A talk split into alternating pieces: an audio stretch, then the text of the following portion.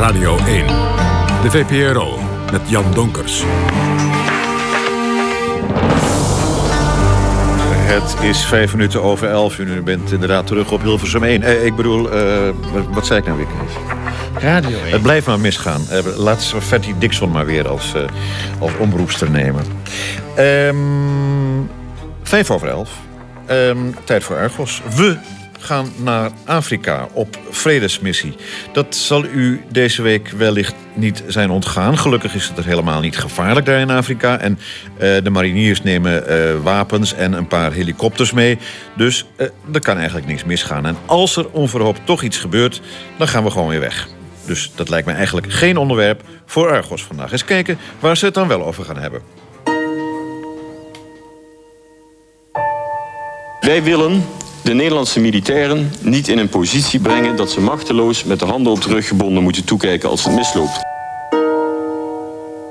Ik, ik wil nog wel een tweede, meer morele dimensie eraan toevoegen. Hè? Dat wij, de mannen en de vrouwen die daar zijn, opzadelen met een morele keuze. Wat doen wij met vluchtelingen op het moment dat dat aan de orde komt?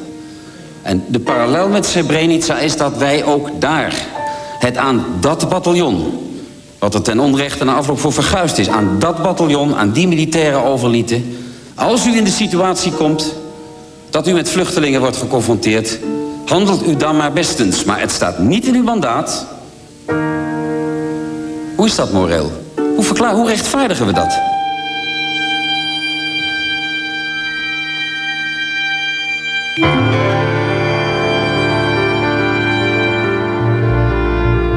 CDA-woordvoerders Maxime Verhagen en Jaap de Hoop Scheffer afgelopen woensdag in de Tweede Kamer.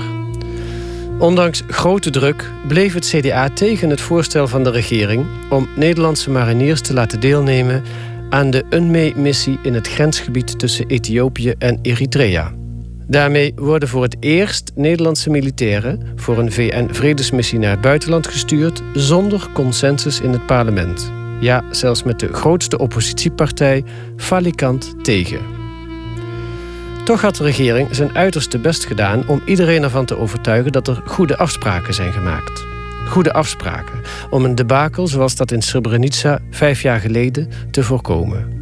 Goede afspraken met de Verenigde Naties over aflossing na een half jaar en met de Verenigde Staten over hulp wanneer het echt misgaat. Maar wat zijn die garanties waard? Zijn ze nu meer waard dan de garanties die de Nederlandse regering kreeg voor de uitzending van Dutchbed naar Srebrenica? Argos komt deze week terug op het programma van vorige week over die garanties voor Dutchbed. En ook praat Argos met twee militaire deskundigen die kritiek hebben op die nieuwe missie naar het grensgebied van Ethiopië en Eritrea. Twee deskundigen die deze week niet welkom waren bij de hoorzitting in de Tweede Kamer over UNME professor Rob de Wijk en de voormalig bevelhebber van de Nederlandse landstrijdkrachten Hans Cousy.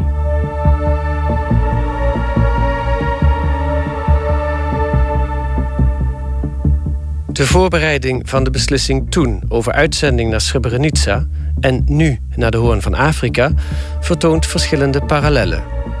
Zoals premier Kok en minister De Graven van Defensie de afgelopen tijd de Verenigde Staten bezochten om steun te verkrijgen van de Amerikanen, zo brachten de toenmalige premier Lubbers en zijn minister van Buitenlandse Zaken Kooijmans in januari 1994 een bezoek aan het Witte Huis om hulp voor de uitzending van Dutchbed naar Safe Haven Srebrenica. Dat vertelde Lubbers afgelopen mei tijdens zijn verhoor voor de commissie Bakker. Het begrip van de safe havens is feitelijk, en dat hield mij meer bezig, de kant heen gegaan dat het, ik noem dat nu maar even, prikkeldraad was.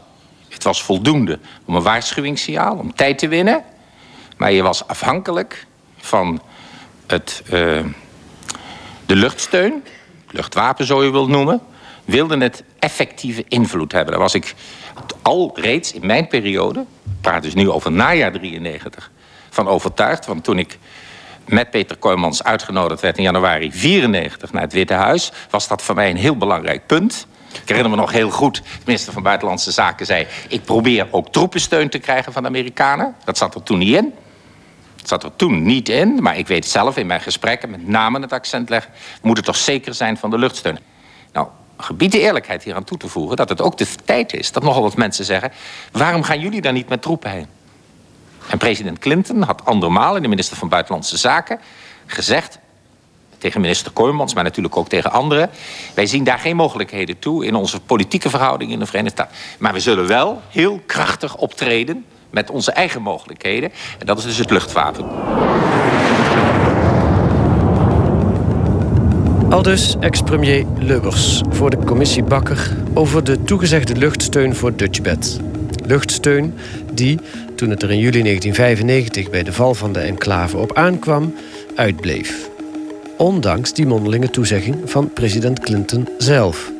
En dat is net zo'n toezegging als Kok en de Graven nu zeggen te hebben gekregen van de Amerikaanse regering. Het uitblijven van die luchtsteun voor Dutchbed vormde een belangrijk onderdeel van het onderzoek van de commissie Bakker, officieel de Tijdelijke Commissie Besluitvorming Uitzendingen geheten.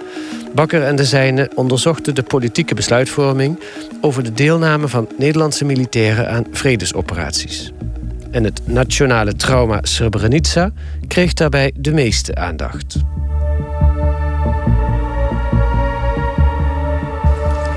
Uh, uiteindelijk uh, heb, heb, ja, heb ik een bevredigend antwoord gekregen op mijn vragen. Ex-minister Terbeek van Defensie tijdens zijn verhoor door de commissie Bakker. Hij vertelde over de toezeggingen die toenmalig secretaris-generaal van de Verenigde Naties, Boutros Ghali, zou hebben gedaan over luchtsteun voor Dutchbed.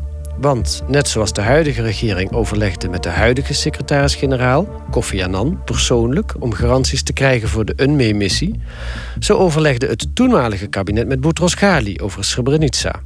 Dat gebeurde tijdens een bezoek van Boutros Ghali aan het Katshuis in Den Haag in januari 1994 dat de secretaris-generaal toen harde garanties over luchtsteun gaf, vertelt ook een andere deelnemer aan die beraadslagingen in het Katshuis.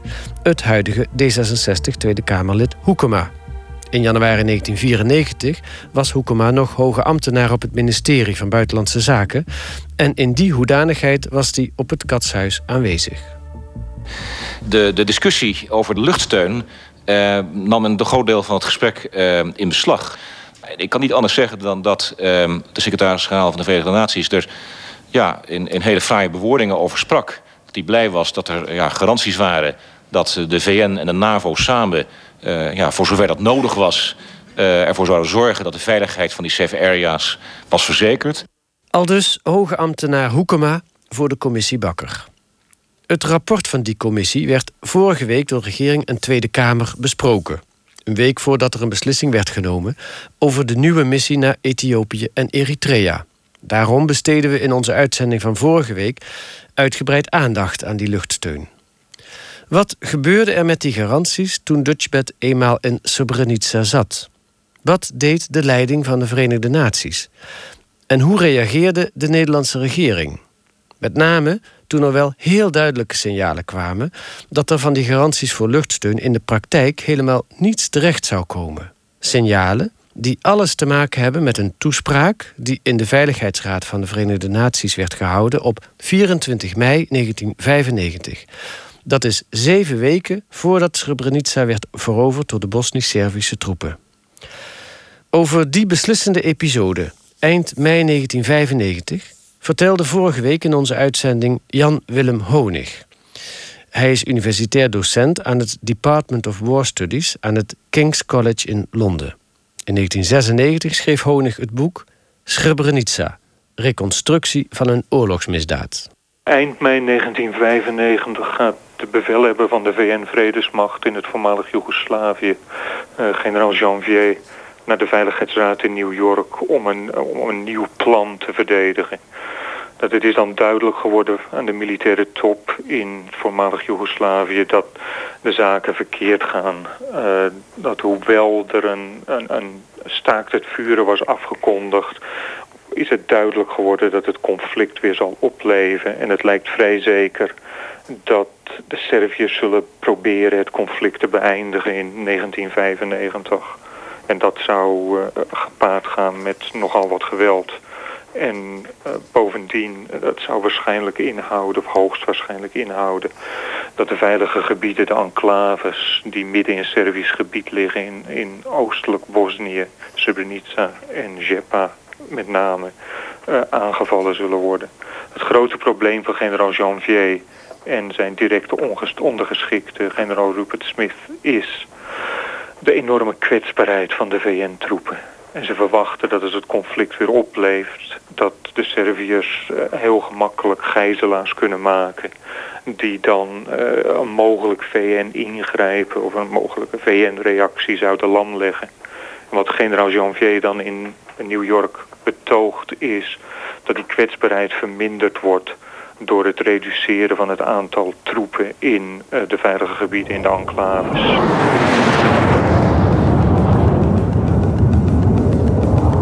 Generaal Janvier stelt voor de VN-troepen uit Srebrenica en de andere enclaves weg te halen en te hergroeperen in Centraal Bosnië. Dit om die troepen minder kwetsbaar te maken voor aanvallen en gijzeling. Want zolang die kwetsbaarheid bleef bestaan, waren volgens Janvier luchtaanvallen namelijk niet mogelijk. Madeleine Albright, die toen ambassadeur voor de Verenigde Staten bij de Verenigde Naties was, verzette zich fel tegen het plan van Janvier.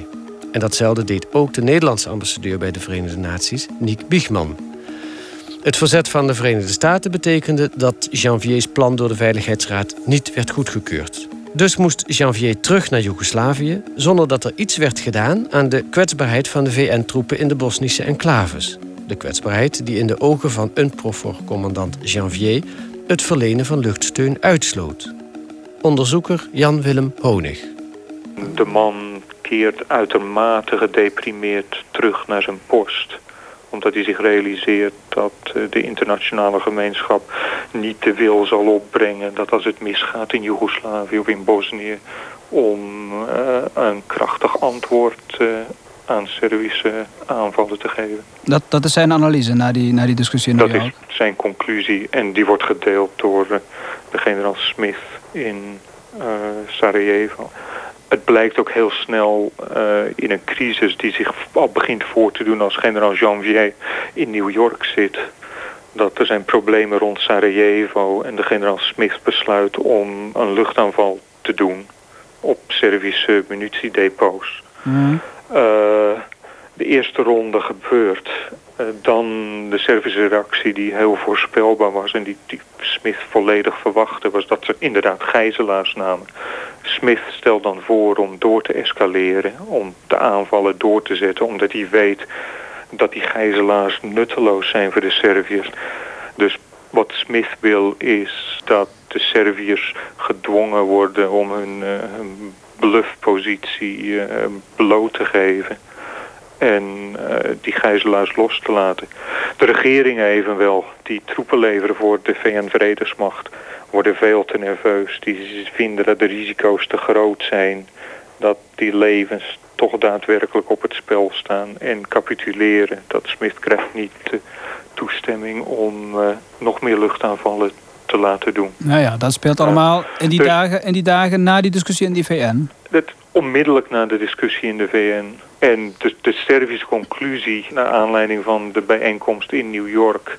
en naar aanleiding van uh, het afblazen van die luchtaanvallen eind mei, begin juni... en het succes van het nemen van gijzelaars uh, onder het VN-personeel geeft de Serviërs het duidelijk signaal dat ze nog een keer iets proberen en gijzelaars nemen. Dat ze nog goede kans hebben om hun operaties uh, te doen slagen. Uh, u, u, zegt bijna dat was een soort signaal aan de Serviërs van... nou ja, als je die enclaves in wil nemen, doe maar, wij zullen toch niks doen. Ja, inderdaad.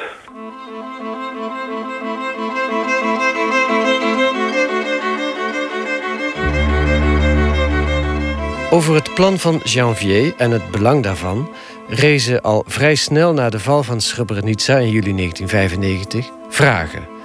CDA-woordvoerder De Hoop Scheffer bijvoorbeeld zei op 30 oktober 1995... Het belangrijkste van die vragen zijn... hoe is het nou precies in die VN-commandostructuur gegaan? Waarom kwam er geen luchtaanval? Waarom kwam er geen luchtsteun? Waarom bleef het bataljon in zijn hemd staan? Dat zijn zaken waarvan de CDA-fractie vindt dat ze echt nadere opheldering behoeven. Er zijn geen bewijzen. Er zijn wel een aantal aanwijzingen, vermoedens dat de VN zei, eh, of dat de VN dacht, niet uitsprak, maar dacht moet ik zeggen, Uh, het zou wel makkelijk zijn als die enclaves er niet meer zijn. VVD Tweede Kamerlid Blauw wist die aanwijzingen, die vermoedens, toen al heel precies aan te duiden. We horen nu dat op 25 mei door generaal Janvier in de Veiligheidsraad al in feite is aangegeven dat die enclaves niet te houden zijn. Daar is mij niets van bekend, dat is mij niet verteld. Is dat überhaupt door Buitenlandse Zaken aan Defensie verteld? Wist het bataljon het zelf dat men zo over hen dacht in de Veiligheidsraad? Want bij het uh, besloten zitting van uh, de Veiligheidsraad met generaal Janvier... zaten vertegenwoordigers van de troepenleverende landen. Dat is Nederland ook. We hebben een permanente vertegenwoordiging. Dus dat signaal dat moet uitgebreid hier neergelegd zijn...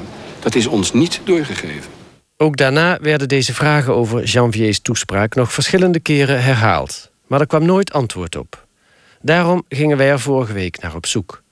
Bijvoorbeeld naar het antwoord op de vraag of de Nederlandse vertegenwoordigers in New York in mei 1995 alarm geslagen hebben in Den Haag.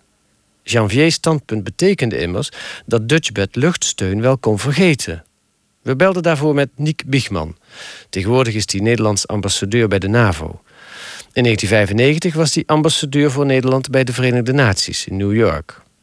Biegman vertelde ons vorige week dat hij in mei 1995 over Janviers toespraak alles wel netjes aan buitenlandse zaken in Den Haag heeft gerapporteerd, maar niet in alarmerende zin. Want voor hem was het gewoon de zoveelste uiting van de slappe houding die de leiding van UNPROFOR de hele tijd al tentoonspreidde. We belden vorige week ook met kolonel Van Veen, de voormalige militaire attaché van Nederland bij de Verenigde Naties. Volgens onze informatie zou hij over deze kwestie apart hebben gerapporteerd aan Defensie in Den Haag. Maar Van Veen kreeg van het ministerie van Defensie geen toestemming om met ons te praten. Op de vragen die we vervolgens aan het ministerie voorlegden, kregen we ook geen antwoord. De beleidslijn van het ministerie is dat we niet vooruit gaan lopen op het onderzoek van het NIOD naar de val van Srebrenica, al dus een woordvoerder. En bij het ministerie van Buitenlandse Zaken zei men vorige week geen tijd te hebben om onze vragen nader te bekijken. Eén ding werd ons vorige week wel duidelijk. De militairen in het veld, de Dutchbatters in Srebrenica, wisten van niks. Toen de Servische troepen begin juli 1995 begonnen met hun aanval op de enclave, wachtte Dutchbat met smart, maar tevergeefs op luchtaanvallen. Opmerkelijk genoeg is ook in het rapport van de commissie Bakker niets terug te vinden over de toespraak van Janvier en de gevolgen daarvan. We vroegen vorige week commissievoorzitter Bert Bakker om een reactie. Hij erkende dat het een belangrijke kwestie betrof, maar kon er op dat moment niet direct een concreet antwoord op geven. Hij vond de kwestie zo belangrijk dat hij zijn staf deze week de zaak liet uitzoeken. Gisteravond spraken we opnieuw met Bert Bakker. Voor zover wij hebben kunnen uh, bekijken, hebben wij wel een rapportage van uh, de heer Biegman van uh, eh, 16 mei. Um, een kolenbericht aan minister van Mierlo, waarin um, hij beschrijft welke opties met betrekking tot een profor en de safe areas door de secretaris-generaal van de Verenigde Naties, Boutros Ghali, voorgelegd waren. Waaronder de optie volledige terugtrekking van hun perform, maar ander was herontplooiing. Maar dat ging om 16 mei, dat waren vier opties, dat waren, dus dat kon nog alle kanten op. Maar op 25 mei komt uh, Janvier duidelijk met een keuze voor één van die vier opties naar New York. En daarover heeft u nog steeds uh, geen rapportage gezien vanuit New York? Nee, klopt. We hadden vorige week al gevraagd aan Buitenlandse Zaken of wij die rapportage van Bigman over die 25e, waarvan Bigman zelf zegt, die heb ik wel degelijk gestuurd, of we die mochten inzien. Nou, vorige week uh, lukte dat niet bij Buitenlandse Zaken. Deze week zijn ze al uh, de hele week aan het zoeken. Ja. En men heeft ons ook gezegd, als we het vinden, dan uh, kunt u het in principe inzien. Maar men kan het niet vinden. Nee. Nou ja, dat verwondert me dus niet zo erg. Want Ja. uh, of hij is er niet, uh, of hij is er wel, maar men kan hem niet vinden. Want uh, anders zouden wij hem wel hebben gezien. Dat laatste over zou me wat minder verrassen. Want uh, het archiefstelsel op de ministeries, maar uh, ja, toch ook wel in het bijzonder bij uh, buitenlandse zaken, vertoont nog wel wat hiaten. Ja, maar dat zou toch wel heel pijnlijk zijn, want dit gaat in ieder geval toch wel, zeker als je de waarheid achteraf zou willen ophelderen, om nogal een uh, Absoluut. cruciaal punt. Absoluut, maar er verdwijnen wel eens vaker dingen. Commissievoorzitter Bert Bakker. Een woordvoerder van het ministerie van Buitenlandse Zaken heeft op ons verzoek deze week geprobeerd de notitie van Biegman op te sporen. Tevergeefs. Het ministerie kan de notitie nergens vinden. Maar ik blijf zoeken, al dus de woordvoerder. Iedereen die we spreken erkent dat het om een belangrijke toespraak gaat van generaal Janvier in mei 1995. Maar niemand weet of en hoe de Nederlandse regering ervan op de hoogte is gesteld. En wat er vervolgens met dat bericht zou zijn gebeurd. We vroegen een reactie aan VVD-woordvoerder Blauw. Vijf jaar nadat hij in de Tweede Kamer indringend de vraag aan de orde heeft gesteld, is er nog steeds geen antwoord. Ik deel helemaal het feit dat het natuurlijk een een grote misser is. Dat dat niet uh, gealarmeerd heeft uh, bij Buitenlandse Zaken en daarna bij Defensie de hele situatie. Deelt u uh, de opvatting dat die toespraak van Janvier, eind mei ja. 1995, dat dat een essentiële gebeurtenis was? Ja, het had natuurlijk in een hoog gealarmeerde berichtgeving naar Den Haag moeten gaan. Uh, ja, het wijst ergens toch op dat er ook niet uh, bij Buitenlandse Zaken toen al geloofd werd in luchtsteun. Mm. Terwijl het voor de VVD-fractie een van de meest cruciale elementen is geweest om ja te zeggen tegen de uitzending. Hoe kan het dan gebeuren dat dat niet als een alarmerend bericht... of als een belangrijk bericht op zijn minst... bij het Nederlandse ministerie van Buitenlandse Zaken of Defensie is, is genoteerd? Nou, ik denk dat daar uh, ergens toch in, in, in het informatietraject... Uh, New York naar buitenlandse zaken. En, en ja, je weet nooit wanneer zo'n ding binnenkomt. En daarna de verwerking op een bureau van buitenlandse zaken. Dat het daar is blijven zitten. Ja. En pas in een vertraagd stadium. als een soort van een mindere notitie doorgegaan is naar Defensie. Een soort van mindere notitie. Al dus VVD-woordvoerder Blauw. We vroegen deze week ook aan CDA-fractievoorzitter De Hoop Scheffer... hoe hij de toespraak van Janvier in mei 1995 inschat. Ja, natuurlijk is dat een heel belangrijk signaal. Maar uh, het, is, het is uiteraard van groot belang uh, of er in de Veiligheidsraad... want je zou ook natuurlijk moeten weten wat toen de conclusie is geweest... van de mensen die daar namens de troepenleverende landen zaten. Hè? Dat Janvier op een bepaald moment uh, daar in een, in een discussie verzeild raakt. Is ja. één ding. Wat, wat de belangrijke landen vinden is een ander ding. En dat laatste is beslissend. Ja, maar het punt is, daar kon Nederland waarschijnlijk niet zoveel aan veranderen nee. op dat moment. Nee, dat is correct. Maar hadden we daar niet veel beter over geïnformeerd moeten zijn? Nou ja, dat hangt dus af. Uh, als, u, als u mij die vraag stelt, dat hangt dus af. Uh, en daar ontbreken bij mij dus ook enige stukjes in de puzzel. Dat hangt af van de wijze waarop uh, de, en de toon waarop uh, ambassadeur Biegman heeft gerapporteerd aan Den Haag. Mm. Wat er vervolgens in Den Haag op buitenlandse zaken en, en bij zo'n belangrijk bericht denk ik meer in den brede in het kabinet is gebeurd. op basis van die, van die rapportage. Ja, en is dat ook de reden dat u in, in essentie waarom u nu zegt we hebben wel een garantie, of minister De Graven zegt wel... we hebben een garantie dat de Amerikanen ons komen weghalen... als de nood aan de man komt. Maar als het dadelijk echt zo is, dan weet ik toch niet zeker of dat gebeurt. Ik weet dat niet zeker. We would if we could, is, is de Engelse formulering. En ik ben uh, langzamerhand lang genoeg gepokt en gemazeld... in de internationale politiek en diplomatie... dat ik weet dat, dat zulke garanties nooit gegeven worden. Al, althans nooit spijkerhard gegeven worden.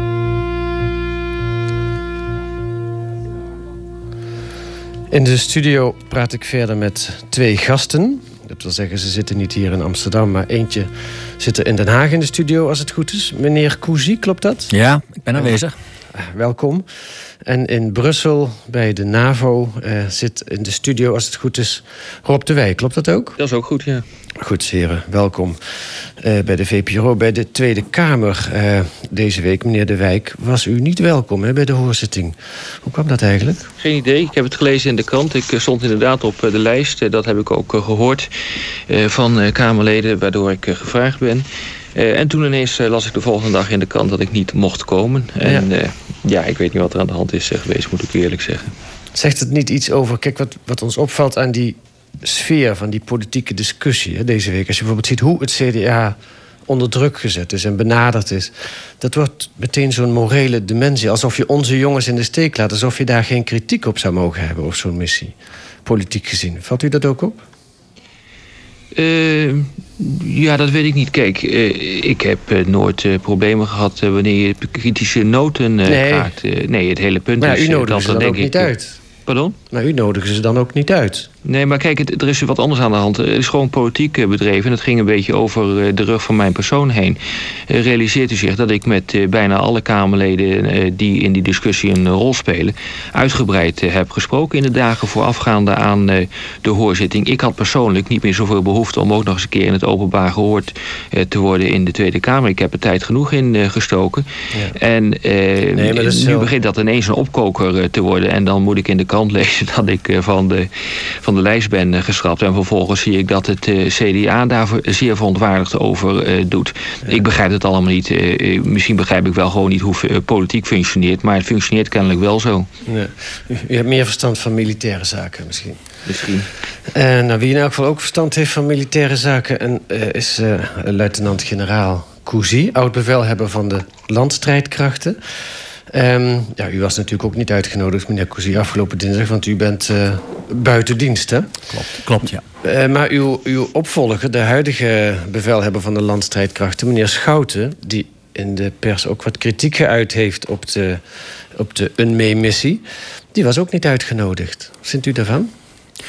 Ja, ik, ik heb daar uh, geen echt oordeel over, omdat ik uh, niet weet waarom mensen van de lijst gehaald zijn. Maar het is wel zo dat de uh, Koninklijke Landmacht natuurlijk maar een heel klein aandeel levert van het totale detachement. Ja. En ja, dan praat je natuurlijk met de meest belanghebbende. En dat was hij in dit geval dus niet. Dus ik kan me dus gewoon voorstellen uit die overwegingen dat men zei: ja, het, het aantal is te groot. Dus de mensen die het minste bij betrokken zijn, die, die halen van die lijst af. Ik begrijp het. U bent allebei vreselijk aardig dat u niet uitgenodigd bent. Um, maar u, we doen vandaag onze eigen kleine hoorzitting hier uh, in de uitzending. En het woord is aan uh, meneer Kousi. Wat vindt u ervan dat, dat uh, Nederland deelneemt aan de UNME-vredesmissie in Ethiopië en Eritrea? Nou, mij is eh, opgevallen dat het, ehm, eh, de hele besluitvorming, zowel bij regering als parlement, toch echt iets uh, krampachtigs had. En dat is natuurlijk veroorzaakt omdat bij het begin in, in juli, begin juli, ehm, de commissie Bakker natuurlijk al in de openbaarheid had aangetoond dat in het verleden vaak emoties overheersten in de besluitvorming. En men vaak ook in de fuik was gezwommen dat men al ja had gezegd zonder dat men eigenlijk goed wist wat er precies aan de hand was. En uh, ja, uh, dat wilde men dus nu voorkomen, zowel ja. bij de regering als bij het parlement. En het begon dus slecht, want in feite uh, was men weer verkeerd begonnen door al in juli toe te zeggen aan de VN dat we mee zouden doen. En ja. ja, dat was dus weer dezelfde fout die steeds in het verleden ook was gemaakt. Dus toen minister-president Kok dat bij toeval hoorde, is hij dus echt kwaad geworden. En nou, daarna is het dus wel uit een ander vaatje getapt. Ja, maar u bedoelt, het, het zwemmen in de fuik houdt dan in dat je op morele grond zegt... ja, dat is belangrijk, daar moeten we aan mee gaan doen. En dat daarna de strategisch-militaire uh, argumenten er een beetje bijgezocht worden. Ja, dat men dus eigenlijk nog niet goed weet waarover men beslist. En uh, ja, daarvoor is het toch te belangrijk dat je eerst natuurlijk zorgvuldig moet analyseren... wat is er aan de hand, uh, wat zijn de doelen die gehaald moeten worden... zijn de middelen daarmee in verhouding, wat zijn de risico's... en dan kan je besluiten of je daar al of niet aan meedoet. Maar niet eerst besluiten eh, van eh, goede zaken, daar moet je aan meedoen. En later pas analyseren wat het eigenlijk precies betekent. Nou, dat was dus in feite weer gedaan. Want Buitenlandse Zaken had namens de Nederlandse regering al gezegd dat wij dus mee zouden doen. Ja. Meneer De Wijk, dat is koor op uw molen, denk ik, hè? Ja, dat, kijk, dat is ook zo. Uh, waar het mij echter om ging in de hele politieke besluitvorming is... Uh, ja, de vraag, moet je daar nu naartoe? Uh, zijn er dan belangen van ons in het geding? Eh, nou, objectief gezien eh, niet, maar het hangt er een beetje vanaf hoe je belangen definieert. Eh, zoals ik het nu zie. Ja, maar ik bedoel eigenlijk even iets anders wat meneer Kussi zegt. Die, de manier waarop die afweging gemaakt wordt. Hè. U, u hebt in een artikel in NRC gezegd... politici hebben eigenlijk geen verstand van militaire zaken. Die maken politieke afwegingen, maar ja, daarna moeten er wel militairen naar zo'n gebied. Ja, nou kijk, ik vind wel dat de afweging wel een stuk zorgvuldiger is uh, gegaan uh, dan in het verleden. Al was het alleen maar omdat hij veel langer heeft uh, geduurd. Ja. Er is, er is absoluut veel meer over nagedacht. En maar, is er zeg maar, dat goed genoeg over nagedacht? Ja, dat denk ik wel. Want uh, kijk, ik vind uh, het mandaat zoals het op dit ogenblik in elkaar steekt... Uh, is volstrekt helder. Het gaat alleen maar om het monitoren van de situatie ter plekke. En als het fout gaat, ja, dan ontstaat er dus een probleem. En eigenlijk zit hem daar de kneep. En dat is natuurlijk ook de reden waarom toch uiteindelijk... zo'n hoop politiek gekakeel is ontstaan. Er is een situatie waarin er een kleine kans is dat het heel erg fout gaat. Nou, dat lijkt me dus politiek een buitengewoon lastige keuze die je dan moet maken. En hoe kan je dan, als het heel erg fout gaat, hoe kan je dan je mensen eruit halen? Nou, daar zit denk ik het, het, grote probleem in, waardoor dus nu ook die hele discussie is ontstaan over bijvoorbeeld die Apache-helikopters die daar naartoe gaan. Ja. En als u het nou heeft van, ja, gebeurt dat nou met verstand van zaken? Ja, dan moet ik daar toch denk ik wel een paar vraagtekens uh, bij zetten. Omdat uh, ik, mij althans in het Kamerdebat niet uh, duidelijk is geworden wat die Apaches daar nou precies moeten kunnen doen. Of bijvoorbeeld de bewapening van die Apaches voldoende is om in de situatie ter plekke daadwerkelijk te kunnen optreden. Daar kun je dus echt vraagtekens bij zetten. We weten ook volgens mij nog steeds niet waar die dingen gestationeerd gaan worden. Ja, die dienen misschien meer om het, om het geweten van de Nederlandse politici te sussen dan om de militairen daar daadwerkelijk te helpen. Ja, die indruk krijg ik een beetje. Ja, maar dat is precies wat u ook al vaker aangegeven hebt. Politici maken hele andere afwegingen hè, als het gaat om meedoen aan zo'n missie en waarom en wat is er belangrijk. En uiteindelijk zijn het uh, militairen die het uit moeten voeren. Dat ja. is ook toch wat er fout gegaan is in Srebrenica. Nou, en daar is het natuurlijk nog veel ernstiger fout uh, gegaan. Daar uh, was de interpretatie van het mandaat uh, niet volstrekt duidelijk. Maar daar werd de klassieke fout gemaakt dat militaire middelen en politieke doelstellingen totaal niet met elkaar in evenwicht uh, waren. Nou ja, dat, we weten al dat die sinds de dagen van Sun Tzu, uh, ruim 2000 jaar geleden, dat die met elkaar in evenwicht uh, moeten zijn. Als ze niet in evenwicht zijn, dan gaat het dus mis. Nou, dat is dus ook feilloos gebeurd in, in Srebrenica.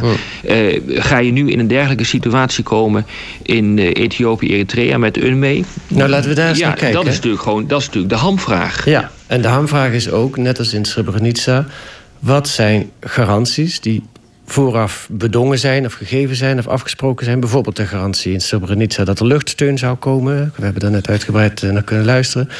Wat zijn garanties die nu gegeven worden? En dat vraag ik aan meneer Cousy. Uh, wat zijn die garanties waard? Dat de Amerikanen en de Fransen ons daar weg zullen halen als de, als de nood aan de man komt? Nou, ik denk dat het uh, hier uh, heel uh, duidelijk staat omschreven in de brief die de regering aan de Tweede Kamer heeft geschreven. Dat ze praten daar over evacuatie en extractie. Evacuatie is uh, uit het gevechtsgebied uh, weghalen als het onverhoopt dus mis zou gaan. Mm -hmm. En extractie is ze verplaatsen uit Eritrea terug naar Nederland. En waar dus steun voor gekregen is, is voor extractie.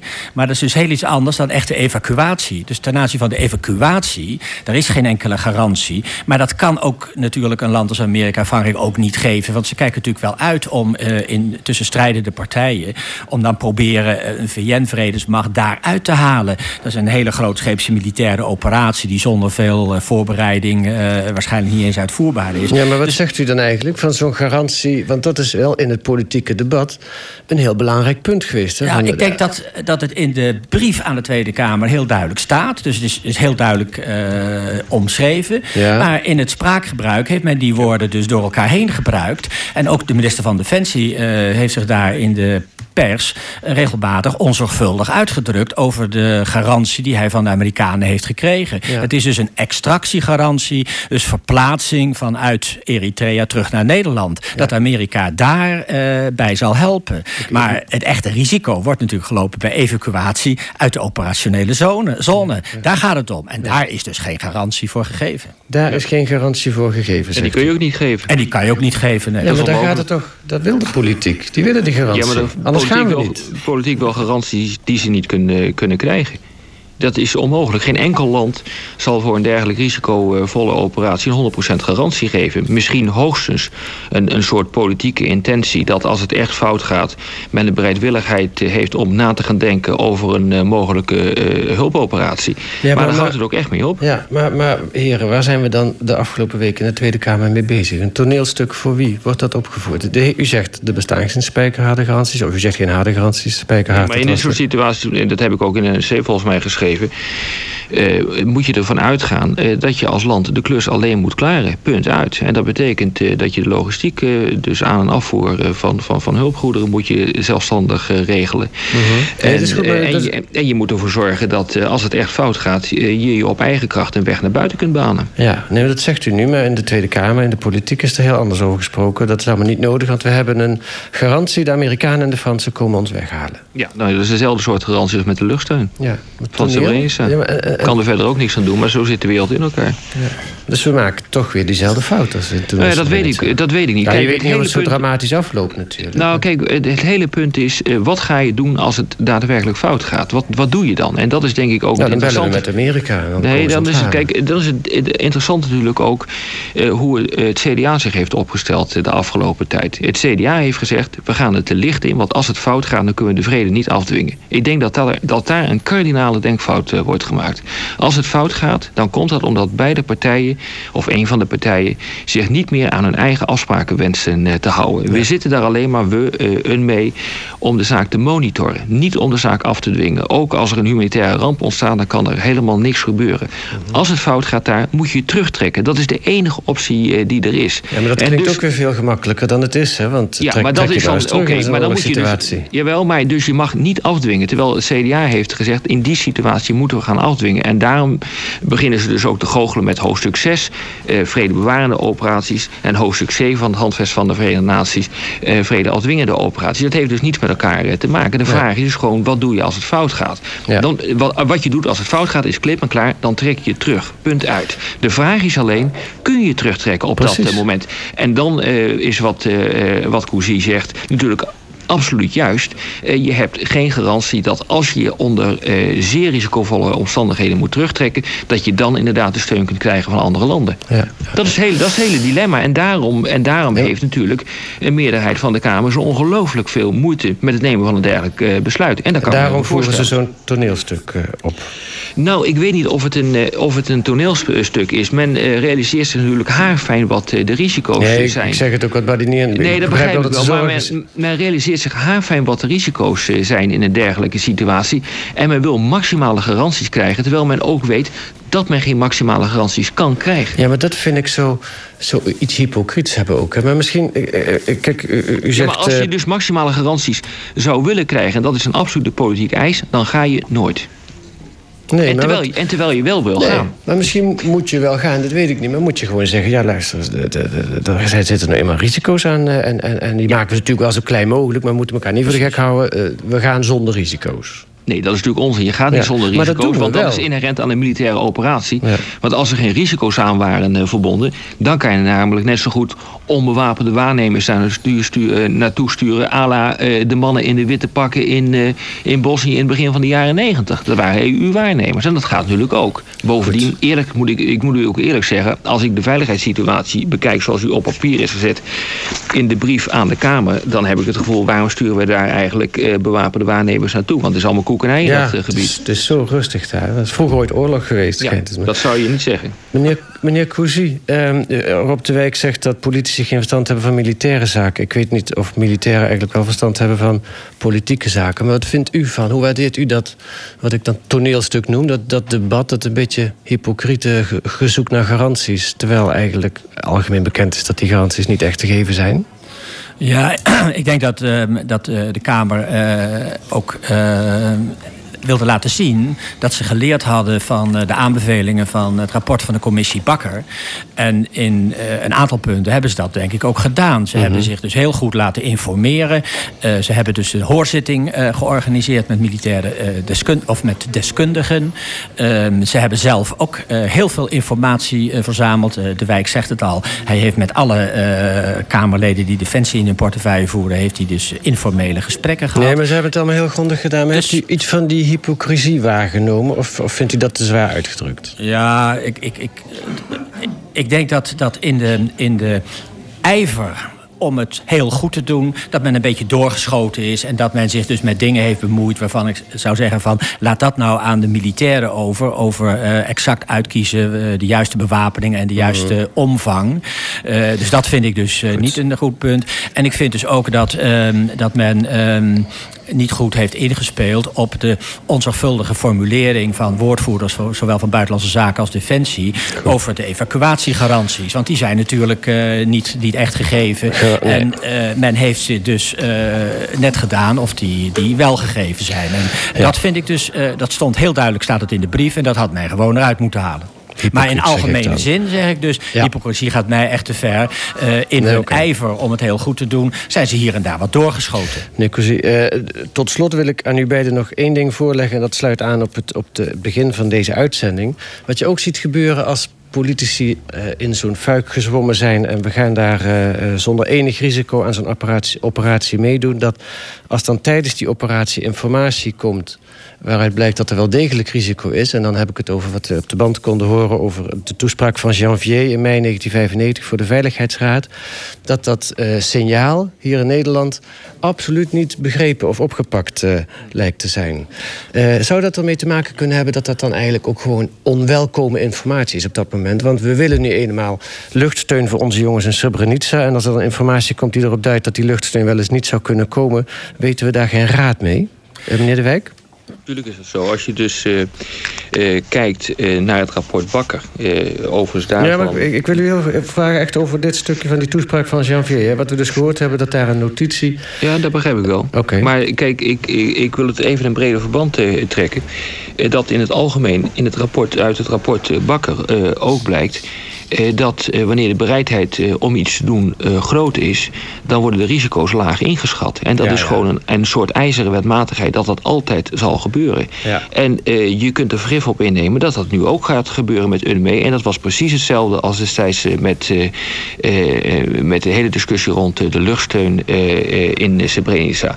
Dus eh, dat betekent dat eh, wanneer je denkt dat iets gaat komen, eh, je er ook maar eh, van uitgaat dat het eh, gaat komen. En Maar we de- naderen de- het eind wens van onze vader- tijd. De wens is een vader van de gedachte in Ja. dit soort dingen. Als, en ik maar is dat hier ook gebeurd met die, met die, die, die in- informatie over die toespraak van Janvier?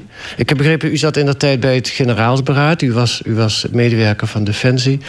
Ehm, Ik was kan, me daar... hele- ik kan me daar absoluut echt helemaal niets meer van herinneren dat dat ooit eh, eh, dat, dat, eh, dat, dat daar een discussie over is eh, geweest bij ons. Nee, maar had dat niet moeten gebeuren? Was het niet heel Ja. belangrijke informatie? Nee, maar het, het, het maar gaat niet om die dat punt niet. Het gaat niet Meneer zozeer om die redenvoering van, eh, van generaal Janvier. Die is inderdaad pas veel later bekend geworden. Dus dat is dus eh, wel goed geheim gehouden. Maar wat we natuurlijk wel Nou, wisten... dat, dat, dat was, het was helemaal geen geheim. Het, het, het was, het is gewoon voor de Veiligheidsraad en daar, daar voor de... Nee, dat was heel vertrouwelijk. Ja, maar het was ook voor de, voor de deelnemende landen. Is er een dag Ja, later maar een het was dag. heel vertrouwelijk. Nee, de ambassadeur Biegman heeft tegen onszelf gezegd... dat hij nog heel boos is geworden en dat tegenin is gegaan. Hij wist er alles van. Ja, maar het en ook blijkt- de Serviërs konden dat allemaal weten.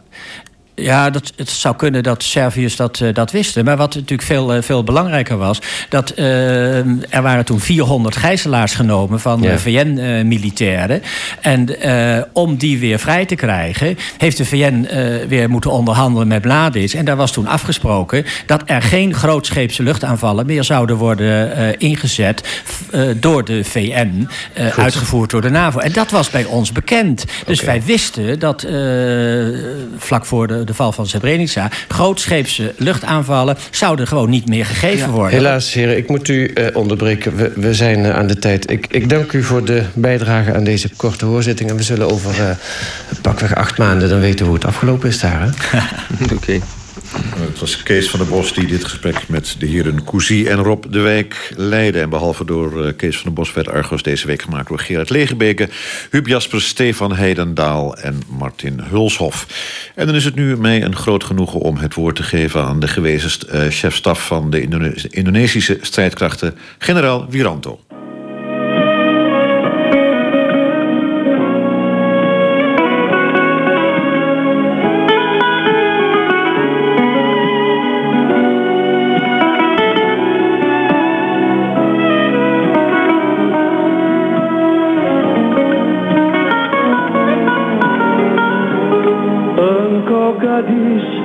Muda jelita Bagai sekuntum melati Engkau sumbangkan jiwa raga Di tapal batas Bekasi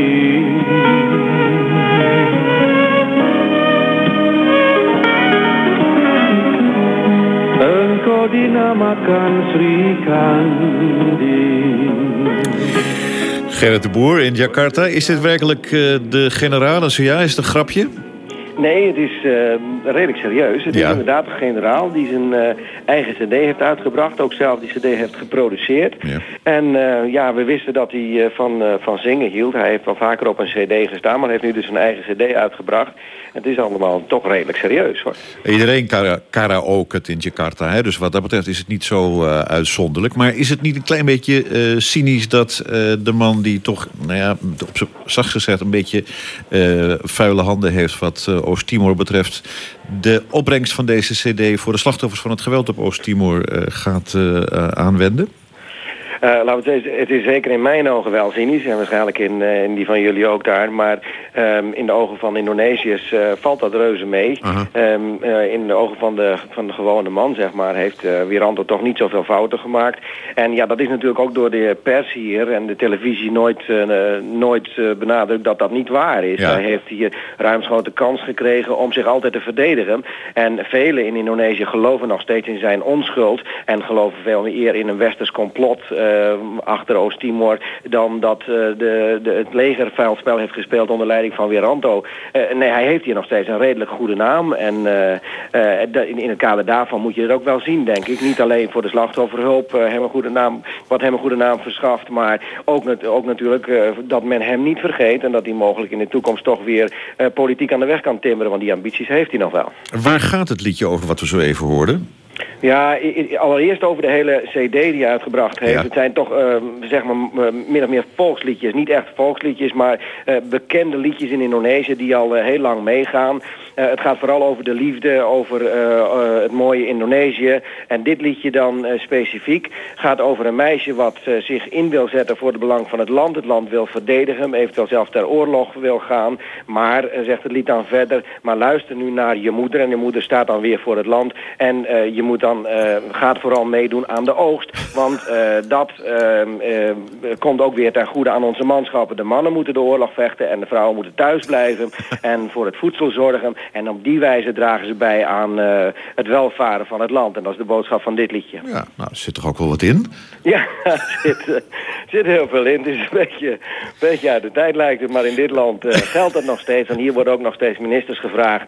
Vrouwelijke ministers als ze ehm, worden aangewezen als minister van... ja, hoe moet dat nou straks als je dat moet combineren met het werk thuis? Wat dat betreft is het hier natuurlijk nog een hele traditionele maatschappij. En hier wordt nog nauwelijks gelachen om dit soort liedjes. Eh, bij ons gaat het er iets anders in, denk ik. Je suggereerde dat eh, in, in het begin ook al. eh, de, de generaal Wiranto dus is, een, eh, is een, eh, iemand die wel vaker zingt. Eh, Men be- beschouwt hij dus absoluut niet als een, een, een merkwaardigheid. Hè? Dat een generaal een plaat uitbrengt. Dat, Nou, het- is natuurlijk wel een curiositeit, dat Ja. wel. Ehm, zoveel platen komen er nou ook weer niet uit van ministers en eh, generaals. Eh, ehm, dus wat dat betreft is het wel, eh, trekt het wel de aandacht. Maar zoals ik zei, eh, een curiositeit. ehm, niet zozeer met een, eh, met een eh, slechte, slechte reuk eraan. Eh, men, men vindt het gewoon een, eh, een goed idee. En eh, men juicht het ook toe. En vindt het leuk dat een generaal zo leuk kan zingen. Eh, zo, komt het, eh, zo komt het over. En de cd wordt ook komende zondag met eh, redelijk veel eh eh fanfare gepresenteerd. dat dus, wou ik eh, nog even. Ik wou nog wel even melden dat wij hiermee de wereldprimeur dus hebben, dankzij jou, hè? Op de VPRO Radio. Eh, maar dat het zondag, zoals je al zei, wordt hij ten doop gehouden, deze CD, eh, voor jou, mijn Indonesië, in een groot hotel in Jakarta. Ja, inderdaad. Daar eh, zijn vrij veel mensen bij uitgenodigd. En eh, omdat ik nu achter de CD aan had gezeten, mag ik er ook bij aanwezig zijn. Maar het wordt inderdaad vrij groot gepresenteerd. En eh, het is niet zozeer een, een start van een, van een carrière als zanger. Maar in ieder geval blijft hij, zoals ik zei, hiermee in de picture. En het zal zeker zijn naam niet, niet verslechteren in Indonesië. Dat is opvallend, maar dat is in dit land helaas wel juist. Gerrit, dankjewel. We gaan nog een klein minuutje luisteren naar eh, generaal Wiranto van zijn debuut-CD voor jou, mijn Indonesië.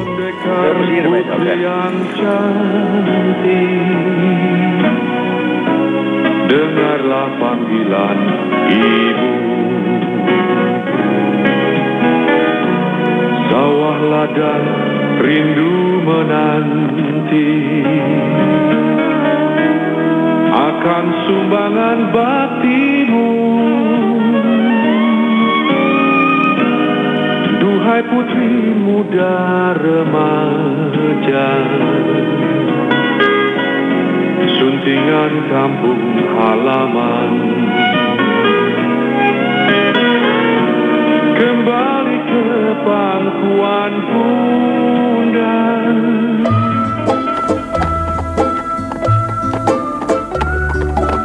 Once upon a time. Vier Apache-helikopters wil de Kamer meesturen. Belachelijk. In the news.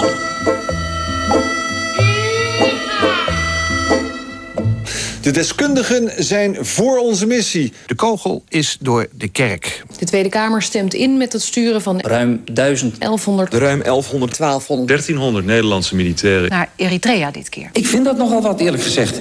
Vier Apache-helikopters wil de Kamer meesturen. Vier Apache. Apache. Apache. Gevechtshelikopters. Apache gevechtshelikopters. Een viertal Apaches. Apaches. Een beetje veel van het goede. Hoewel het niet echt nodig is. Belachelijk. Je moet wat over hebben om zo'n missie er bij de Kamer door te krijgen. Vier Apaches. We maken er dan drie van. Eén voor de PvdA, één voor D66 en één voor de VVD. De minister vindt de Apaches zelf niet nodig. Onzin. Niet nodig. Eigenlijk nutteloos. Eigenlijk onnodig. Het is volgens de VN niet logisch en het heeft geen zin. Dat komt omdat ze geen zin hebben om ervoor te betalen. We frankly do not see there is any need for such a powerful attack. Once again, attack helicopter, attack weapon, weapon. Als ik mag kiezen, als de minister tegen mij zegt van... ik heb wat Chinooks uh, en wat Apaches... Apaches. Dan zeg ik, geef mij dan maar een paar extra Chinooks mee. En niet Apaches. Die heb ik dus niet nodig. Je hebt ze niet pertinent nodig. Maar het is dat extra stukje luxe, dat extra stukje comfort... dat je aan zo'n eenheid zou kunnen geven. Los van het feit dat die Apache natuurlijk dat extra stukje uitstraling geeft... dat extra stukje tactische en strategische mobiliteit... en dat extra stukje beveiliging... is het zo dat het natuurlijk een, een stukje luxe is, zoals dat heet. Een stukje extra zekerheid, dat stukje extra veiligheid. Ik kan me voorstellen dat voor het stukje extra zekerheid... dit voor onze vrouwen en mannen van belang is om dit stukje erbij te hebben. Maar nogmaals, het is een moet je ze niet in Nederland nog... Misschien is het een stukje extra zekerheid. Ik denk dat dit een stukje extra zekerheid kan bieden, ook naar onze militairen toe. Ja, en het is natuurlijk wel pijnlijk dat het besluit niet door het CDA wordt gesteund. We hebben een uitermate goed en helder onderbouwde mening en die handhaven wij. Er zijn hier twee voorwaarden. Eén, een grote macht moet meedoen, Amerika. Absoluut niet. Amerikanen fungeren als een magneet van ellende. Allerlei ellende trekken ze aan. En de tweede zeggen wij, het moet uh, zodanig zijn dat je ook kunt ingrijpen. Dat heet vrede opleggen. Dat dat wordt afgestraft. Dus huiselijk gezegd, erop losknallen. CDA zei overigens wel, nu de militairen toch moeten gaan... Uh, zullen we ze volop steunen, zullen we volop achter die Hollandse jongens... En meisjes natuurlijk. ...gaan staan. Is het verantwoord om onze jongens richting Ethiopië en Eritrea te sturen? No guts, no glory. Zonder risico kan je helemaal niet opereren. Volgens kennis bestaat er niet zoiets als een vredesmissie zonder risico. Vredesmissies zonder risico bestaan niet. En ja, er zullen incidenten zijn aan die bestandslijn. De mariniers moeten dus maken dat ze wegkomen als het geweld weer losbarst. Dat staat buiten kijf. Dat zijn incidenten van de bange soldaat die in het donker op schaduw begint te schieten. Dat soort incidenten. Het incident van de sergeant die de weg kwijt is. En voordat je het weet heb je een gigantisch incident. Dan kan het knap lastig worden voor de VN-vredestoepen om uit dit gebied te komen. Militair gezien een echte uitdaging. Frank de Graven raakt al wat opgewonden. Ik vind dat nogal wat, eerlijk gezegd. Want het is nogal wat. Dat is ook nogal wat. Het is toch nogal wel wat. Het is natuurlijk ook nogal wat. Ja, is zeker. Ik zal de laatste zijn om dat te ontkennen. Dat staat buiten kijf.